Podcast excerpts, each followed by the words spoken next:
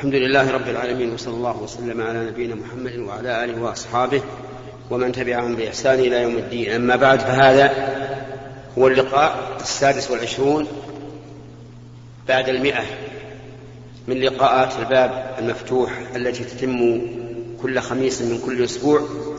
وهذا الخميس هو العشرون من شهر محرم عام سبعة عشر وأربعمائة وألف. نكمل فيه الكلام على قوله تعالى قالت الأعراب آمنا قل لم تؤمنوا ولكن قولوا أسلمنا. الأعراب هم سكان البادية. والغالب عليهم أنهم لا يعرفون حدود ما أنزل الله على رسوله. فيقولون آمنا فقال الله تعالى قل يخاطب النبي صلى الله عليه وسلم لم تؤمنوا ولكن قولوا أسلمنا. ولما يدخل الإيمان في ولما يدخل الإيمان في قلوبكم. ووجه ذلك أن الإيمان في القلب وهو صعب. والإسلام علانية في الجوارح وكل إنسان يمكن أن يعمل في جوارحه عملا متقنا من أحسن ما يكون. فلقد أخبر النبي عليه الصلاة والسلام عن الخوارج أنهم يقرؤون القرآن. وأنهم يصلون. وأن الواحد من الصحابة يحقر صلاته عند صلاتهم وقراءته عند قراءتهم ومع ذلك يقول النبي عليه الصلاة والسلام إنه إنهم يقرؤون القرآن لا يتجاوز, لا يتجاوز حناجرهم. نسأل الله العافية. وأنهم يمرقون من من الإسلام كما يمرق السهم من الرمية. وهذا يدل على أن الإسلام يستطيع كل إنسان. كل إنسان يمكن أن ينافق. يمكن أن يصلي ويسجد ويقرأ ويصوم ويتصدق وقلبه خال من الإيمان. ولهذا قال قل لم تؤمنوا ولكن قولوا أسلمنا. ولما يدخل الإيمان في قلوبكم. هنا التعبير لما يدخل ولم يقل ولم يدخل. قال العلماء وإذا أتت لما بدل لم كان ذلك دليلا على قرب وقوع ما دخلت عليه. فمثل إذا قلت فلان لم يدخل القرية ولما يدخلها. أي معنى؟ آه نعم فلان سافر إلى القرية ولما يدخلها أي أنه قريب منها. وكذلك قوله تعالى بل هم في شك من ذكري بل لما يذوقوا عذاب أي لم يذوقوه ولكنه قريب منهم هنا قال لما يدخل أي ما دخل الإيمان في قلوبهم ولكنه قريب من الدخول. وإن تطيعوا الله ورسوله لا يلتكم من أعمالكم شيئا. إن أطعتم الله ورسوله بالقيام بأمره واجتناب نهيه فإنه لن ينقصكم من أعمالكم شيئا بل سيوفرها لكم كاملة كما قال الله تبارك وتعالى من جاء بالحسنة فله عشر أمثالها ومن جاء بالسيئات فلا يجزى إلا مثلها وهم لا يظلمون. كل إنسان سيجد عمله إن خيرا فخير وإن شرا فشر. إن الله غفور رحيم. ختم الآية بالمغفرة والرحمة إشارة إلى أن هؤلاء الذين قالوا إنهم آمنوا قريبون من المغفرة والرحمة لأنهم لم يدخل الإيمان في قلوبهم ولكنه قريب من دخولهم هنا فرق بين الإسلام والإيمان وكذلك في حديث جبريل فرق بين الإسلام والإيمان ففي حديث جبريل لما سأل النبي صلى الله عليه وسلم عن الإسلام ماذا قال؟ قال الإسلام الأخ. إيش الإسلام؟ لا سؤال خاص. أجب أي أنت. ما الإسلام اللي جنبه؟ جبريل قال للرسول ما الإسلام أنت. قال أن تشهد أن لا إله إلا الله. أستمر. كمل اللي جنبه.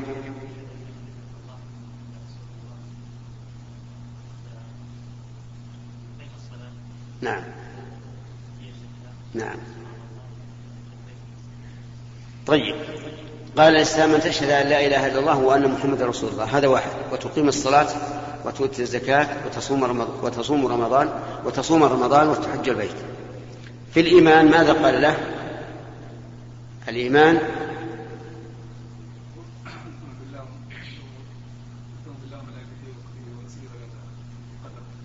أن تؤمن بالله وملائكته وكتبه ورسله واليوم الآخر والقدر خيره وشره.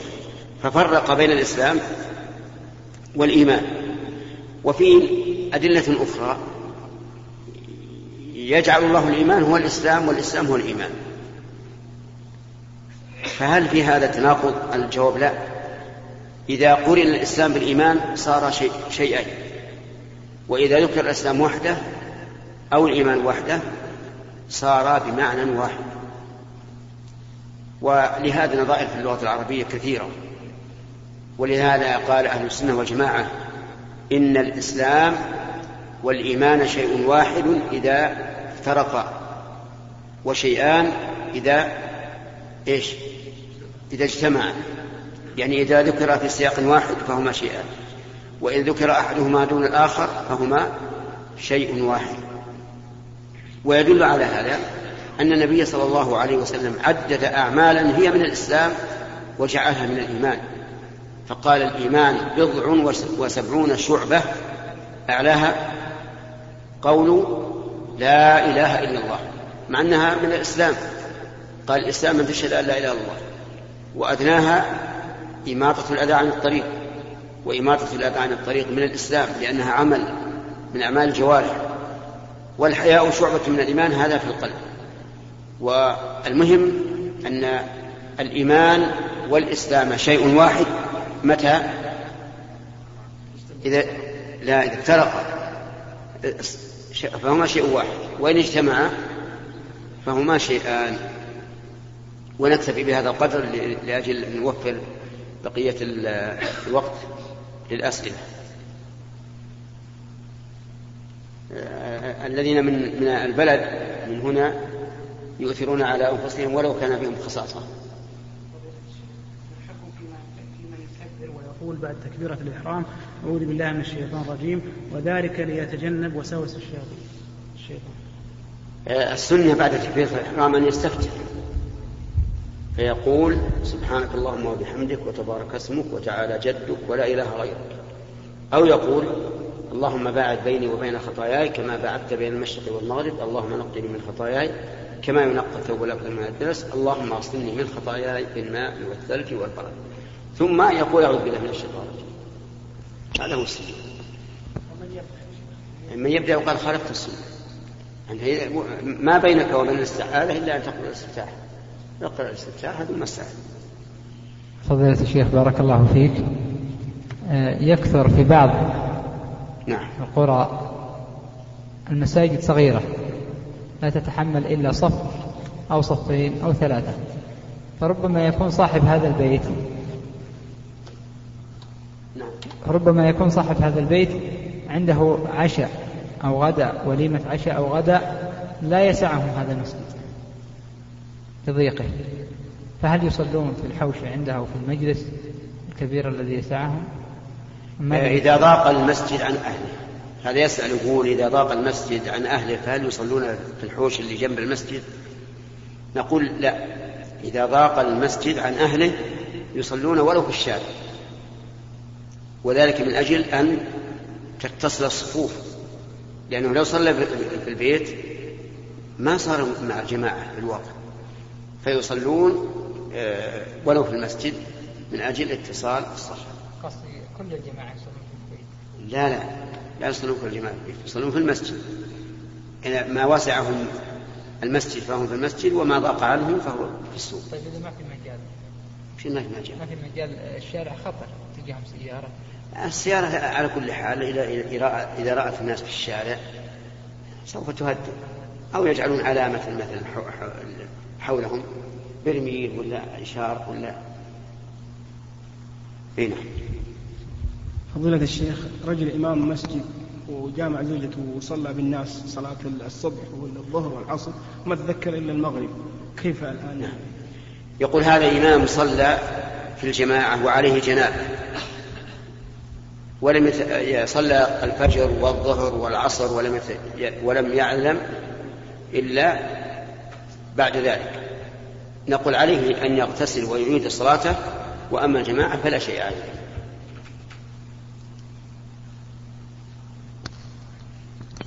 فضيلة الشيخ إذا كان لعم فاقد العقل فهل تجب زيارته إذا كان هو يعني لا يستفيد من الزيارة يعني ولا يعرف من نعم إذا كان هو لك العم لك عم لا ليس عاقلا فزره لأجل أن تطمئن عليه. ليس بشرط أن يكون عالما عارفا بك. لكن زره من أجل الاطمئنان عليه ومن أجل أن يعلم أقاربه بأنك واصل برحمتك. نعم. السؤال الثاني. السؤال الثاني بعد بعد ما يدور على الجماعة. نعم. أحسن الله إليك شيخ. هل لصلة الرحم حد يعني بالنسبة للمدة؟ نعم. آه، يجب أن نعلم قاعدة مفيدة لطالب العلم ولغير طالب العلم. إذا ذكر الله شيئا ولم يحدده فإنه يرجع إلى عادة الناس وأعراف الناس. صلة الرحم جاءت في القرآن والسنة غير محددة فترجع إلى إلى عادة الناس. وعادة الناس تختلف. تختلف باختلاف الأزمان باختلاف البلدان باختلاف الأحوال. مثلا في بعض البلاد لا بد أن تزور قريبك كل شهر فإن لم تفعل فأنت قاطع. وكذلك عند بعض القبائل وكذلك أيضا في الأزمان في بعض الأحيان يكون الناس في حاجة إلى التواصل وألا يتأخر أحدهم عن الآخر وفي بعض الأحوال لا. كذلك أيضا القريب قد يكون مريضا يحتاج إلى تكرار صلته قد يكون فقيرا يحتاج إلى تكرار صلته بالمال. المهم ما دام ما دام ما دامت الصلة لم تحدد لا في القرآن ولا في السنة فإنه يرجع فيها إلى إلى ما يتعارفه الناس. في الوقت الحاضر تستطيع أن تصل أقاربك في التلفون. يعني لو تتصل كل يوم. لكن من المعلوم أنك لو اتصلت كل يوم قد يملونهم. لو جعلتها أسبوعيا أو نصف شهر أو شهر حسب الحال. ثم أيضا الأقارب يختلفون بالقرب. ليس ابن العم كالأخ. نعم. جزاك الله خير. أنا عندي ثلاث أموات وكذا يعني دراهم نعم. وبجمعها يعني بسيارات إلى الدين. ها؟ نعم. واسألك عن يعني السيارة من يوم أن نسلم درهمها ونقبل مفتاحها ويكفي أو نحركها وفيها وهل يعني ثمنها المكسب لحد مبين وبعد له ثاني هذا الزكاة على رأس الحول أو كل ما حصل لي شيء منها. أولا بارك الله فيك الأثلاث هذه اللي عندك. هل هم ذكروا شيء معين؟ ولا قالوا على رأيك؟ والله هذا والله بعضهم والدي وبعضهم توفى وعقب يتماه وله وبعد منها. وكذا جمعناه يعني عشان تمشي لهم. يعني أما من جهة الله أما من جهة الأثلاث اللي يبونه لله. فهذه أحسن ما نرى فيها الآن أن أن يبنى بها مساجد إن تحملت بناء المسجد كاملا فهذا المطلوب وإن لم تتحمل فالمشاركة فيه. وذلك لأمور أولا أن المسجد أجره في الليل والنهار. في الليل والنهار. الناس يصلون فيه في النهار يصلون فيه في الليل. طلاب العلم يجلسون فيه يذكرون العلم. حلق القرآن كذلك يجلسون فيه يتلون كتاب الله. ثانيا إن إن إن فيه إن فيه راحة. راحة للإنسان في حياته بعد ما مات. الإنسان ما دام حي ربما يعني يمشي زين في, في تنفيذ الثلث لكن إذا مات ربما يهلك هذه الثلث ولا أحد يقوم به على وجه المطلوب. آه ثالثا إن المسجد يؤدى به شعائر الإسلام. وأعظم أركان الإسلام بعد الشهادتين وهي الصلاة. تؤدى فيه. وينال باني المسجد من أجر هؤلاء المصلين ما, ما ينالهم من الثواب. فهي أفضل. ولهذا أنا أشير على كل إنسان عنده مال أن يريد أن يوصي به أن يصرفه في بناء المساجد. أريح له ولذريته ولئلا يقع النزاع أو يتلف الثلث فيما بعد. أما بالنسبة لأموال اليتامى أموال اليتامى طبعا ما ما تجعل في المساجد الواجب على الولي أن يتجر بها. يتجر بها إذا كان هذا أحسن. وإن لم يكن أحسن بقاها. الحمد لله. ولتبقى حتى يأكلوها وتفنى والله يرزق من يشاء بغير حساب.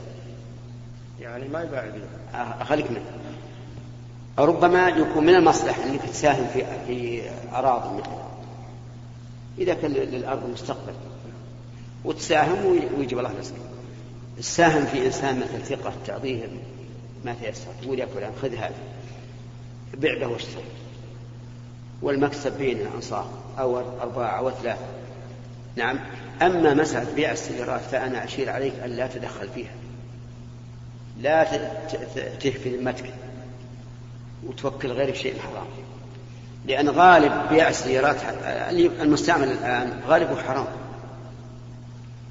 تجده يبيع يشتري السيارة ويبيعها في مكانها ويشتري السيارة ويبيعها على يشتري السيارة الثانية وهو ما قصد السيارة قصده الزيادة وهذا ربا لكنه حيلة. لهذا يكون بين يديك الآن التصريف الأثلاث أرى أن تصرفها في بناء المساجد وتستريح. ثانيا أموال اليتامى أرى أن تتصرف فيها تصرفا مباحا وأن لا وأن لا تقرب ما كان محرما. لأن الله يقول ولا تقربوا مال اليتيم إلا بالتي هي أحسن. وليس من الأحسن أن توقعهم في أمر فيه ربا. توكلهم السحت و... و... وتضرهم. هنا يا شيخ يعني ان الاشياء ذا ما نقربها؟ إحنا ما جيتك لا لا والله لا تقرب لا تقربها يا أخي لأن مثلا أنا إنسان يبي سيارة. يجي لما يقول ابي السياره الفلانية تروح تقول طيب اشره وأنا أوفي المعرض ودينك إياها. هذا حين واضح مثل الشمس. لا لا ما ما أعطيها لاني خاف الامر حتى لو لو لو خبرتها بالمعرض. يبقى يبقى عليك إنك لازم تجيبها لبيتك. ولازم تنقلها باسمك. وهم ما يفعلون هذا. ثم أن بعض العلماء يقول الدين المعروفة هذه حرام يسمونها مسألة التورق. فابن تيمية رحمه الله شيخ الإسلام المعروف المشهور بعلمه وفقهه وأمانته يرى أنه حرام. اجتنب هذا يا شيخ. أيوه اجتنبها ابدا وما جاء في ذمتي إن شاء الله. ابدا. جزاك الله خير. في سؤال ثاني لا سؤال ثاني بعدين جزاك الله خير. صلك الله خير يا شيخ. في بعض الأحيان في الصلاة تأتينا خاطرة بنترك الصلاة الراتبة بعد الصلاة. يعني خاطرة بسيطة وتروح بسرعة. يعني وأنت تصلي. ونصلي. آه يعني يطلع على على قلبك أنك تبي تطلع من الصلاة. خاص لا. اني ما اصلي بعد الصلاة سنه الراتبة. خاصة إذا كنت مستعجل بعد الصلاة عندي شغل مستعجل. إيه. لكن بعد الصلاه بعد ما تنتهي الصلاة أقوم أصلي الراتبة وأنا مرتاح. يعني ما في إنك تفكر وأنت تصلي الفريضة. إيه، نعم. إنك ما أنت مصلي النافلة. نعم. ثم بعدين يعنك الله وتصلي طيب هذا زين. هذا زين ولا في شيء إن شاء الله. لكن عاد إذا كان تخشى انك اذا صليت النافله يشتغل قلبك. فهمت؟ فاعلم أن الرسول صلى الله عليه وسلم قال لا صلاة بحضرة الطعام ولا وهو يدافعه الأخبثان اذهب واقضي شغلك ثم صل في البيت. ولك ما بين صلاة الظهر إلى أذان العصر. يعني راتبة الظهر إلى إلى أذان العصر هنا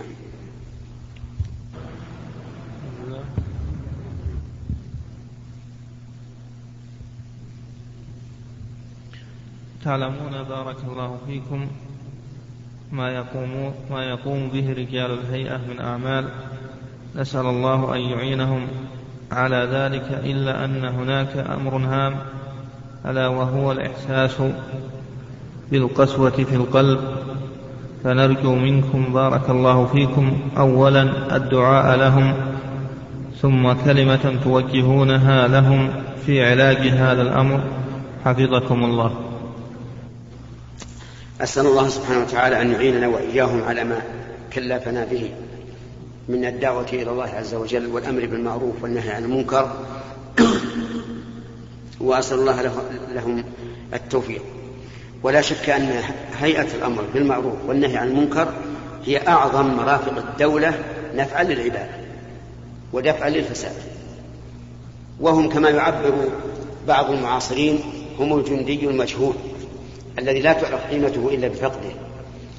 والحقيقة أني أرى أنهم أنفع ما يكون للبلاد وأنهم أشد ما يكون حفاظا على الأمن على الأمن.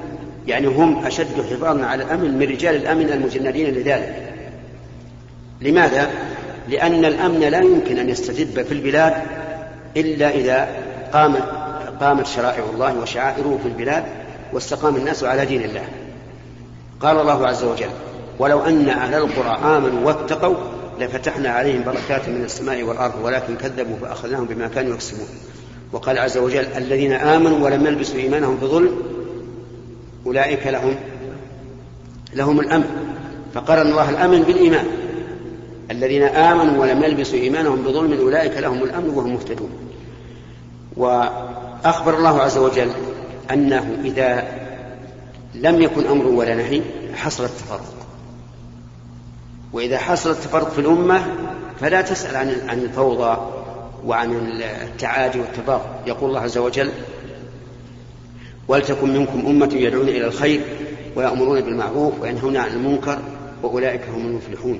ولا تكونوا كالذين تفرقوا واختلفوا من بعد ما جاءهم البينات. فلما أمر بالدعوة إلى الخير والأمر بالمعروف والنهي عن المنكر قال ولا تكونوا كالذين تفرقوا. إشارة إلى أن ترك الأمر بالمعروف والنهي عن المنكر والدعوة إلى الله سبب للتفرق. وإذا تفرقت الأمة فلا تسأل حالها فالحقيقة أن هيئة الأمر بالمعروف والنهي عن المنكر من أفضل مرافق الدولة وأنه ينبغي بل يجب أن تشجع هذه الهيئات على إقامة الأمر بالمعروف والنهي عن المنكر وأن يجعل لها من الصلاحيات ما يحفظ به ما يحفظ به الأمن ويدفع به الفساد. صحيح أنه قد يوجد عند بعض بعض بعضهم غيرة قوية آه، توجب له أن يندفع وأن يتعسف وأن يفعل ما لا ينبغي أن يفعله. لكن هذا يمكن إصلاحه. يعني نصلح هذا الذي حصل من الفساد ونبقي الأمر كما هو. أما قسوة القلب فقسوة القلب تحصل للهيئات وغير الهيئات. حتى الإنسان نفسه يحس إذا جلس مجلس ذكر وموعظة. وترقيق قلب يحس باللين والخشوع واستحضار ما ما ما أمامنا من المخاوف عذاب القبر يوم القيامة وما أشبه ذلك فيرق القلب. ثم يخرج إلى سوقه متجره مزرعته أهله فينسى ذلك. لكن على الإنسان أن يكون دائما ذاكرا لله أن يكون دائما ذاكرا لله عز وجل بقلبه وجوارحه. واقرأ قول الله تعالى إن في خلق السماوات والأرض واختلاف الليل والنهار لآيات لمن؟ لأولي الألباب أصحاب العقول فمن هؤلاء أصحاب العقول؟ هم كبراء السياسة؟ هم كبراء المال؟ لا الذين يذكرون الله قياما وقعودا وعلى جنوبهم ويتفكرون في خلق السماوات والأرض ربنا ما خلقت هذا باطلا سبحانك فقنا عذاب النار إلى آخر ما الله من أوصافه فهذا هو الذي يجعل القلب يلين ويرق أن يكون الإنسان دائما يذكر الله عز وجل. ما هو ما هو في النطق باللسان. أهم شيء في القلب. اذكر قول الله تعالى ولا تطع من أغفلنا قلبه عن ذكرنا واتبع هواه. لم يقل من أغفلنا لسانه عن ذكرنا الذكر حقيقة ذكر القلب. فإذا كان الإنسان دائما مع الله يذكر الله عز وجل إن قام فبالله وفي الله مستعينا بالله تعالى آه، قائما تعبدا له وخشية له يجد خيرا كثيرا في هذا. نعم. بسم الله الرحمن الرحيم. فضيلة الشيخ هل كل خلف منهي عنه؟ أم هل؟ كل خذ منهي عنه؟ كله؟ يعني في المنافسة مثلا أتنافس أنا وواحد. كل إيش؟ الخذ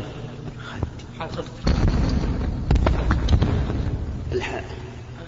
إيه، حذف الحصاة يعني. آه. يعني مثلا أتنافس أنا وواحد أبعد منطقة أوصلها هل هذا داخل في النهي ولا بس على المسلم؟ لا لا. آه، المسابقة في رمي الأحجار وحمل الأثقال لا بها من الأشياء المباحة. لكن بشرط أن يأمن ال- الخطر أما أن يحذف الحصاة وحول مرماها أناس جالسون أو واقفون فهذا لا هذا خطر. أن اليد تزل ويضرب أحد من هؤلاء الذين أمامه. لكن إذا كان المسألة مأمون الخوف فلا بأس. أما الخذف الذي نهى عنه الرسول عليه الصلاة والسلام فأخبر بأنها لا تنكأ عدوا. وهم يسمونها حصى الصغار حصى الصغار ولهذا قال جابر رضي الله عنه في صفة في صفة حصى الجمار. الجمار وش قال؟ مثل حصى الخذف صغيرة. تجعل بين الأصابع ويحذفها الإنسان كذا. وتنقز. هذه يقول الرسول صلى الله عليه وسلم إنها لا تنكأ عدوا ولكنها تكسر السن وتبقى العين. وأما ما ذكرت فهذا من باب المسابقة المباحة. نعم.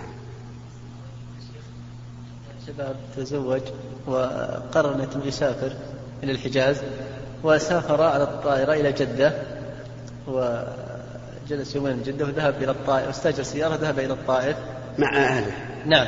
وجلس كذلك كم يوم بالطائف وبعد ذلك خرج للسيل الكبير وأحرم وك- كان ناوي هو يعتمر بس بعد ما يتمشى. ها؟ كان ناوي أنه يعتمر يأخذ عمرة بس بعد أن يتمشى. وعلى كل حال هذه ينظر هل إن ذهابه هنا للعمرة أو يريد أن يتمشى؟ إذا كان الأول فلا بد أن يحرم من الميقات. لا يتجاوزه. والطائرة كما تعلم إذا إن سافرت من من القصيم ومن القصيم ولا من الرياض؟ قصير من القصيم. فالميقات ميقات أهل المدينة ذو الحليفة. وأما إذا كان لا نيتها أن- أنه يتمشى ويقول إن تيسر لي فأنا أتيت بالعمرة فهنا لا بأس. أنه يتجاوز الميقات ويذهب إلى الطائف أو, إلى الجنوب وإذا رجع أحرم. له ناوي أنه يعتمر يتمشى ويعتمر إيه على كل حال إن احتاط وذبح فدية في مكة هو لزوجته واحدة وله واحدة إيه، توزع على الفقراء. فهذا طيب. إبراء للذمة. نعم. وإن لم يفعل فإن كان عاجزا فلا فلا. نعم. آه، شيخ نحبك إن شاء الله في الله. وكذلك عندي السؤال عن دخول الفجر. الفجر آه، يعني آه، بيان اللي يدخل به الله يجزاك خير. نعم.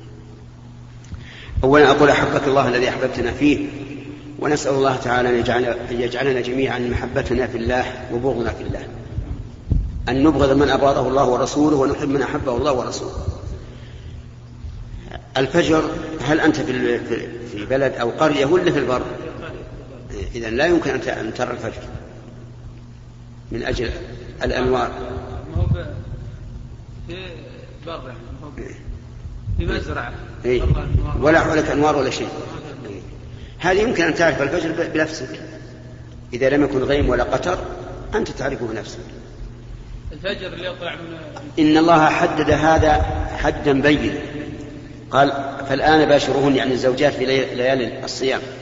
فالآن باشروهن وابتغوا ما كتب الله لكم وكلوا واشربوا حتى يتبين لكم الخيط الأبيض من الخيط الأسود من الفجر. فإذا خرجت إلى إلى إلى, البر وليس أمامك أنوار وليس فيه قطر ولا غيم انظر للأفق. متى وجدت هذا الخيط المعترض من من الشمال إلى الجنوب؟ نعم هذا البياض فهذا الفجر فصل. من فضلك اقلب الشريط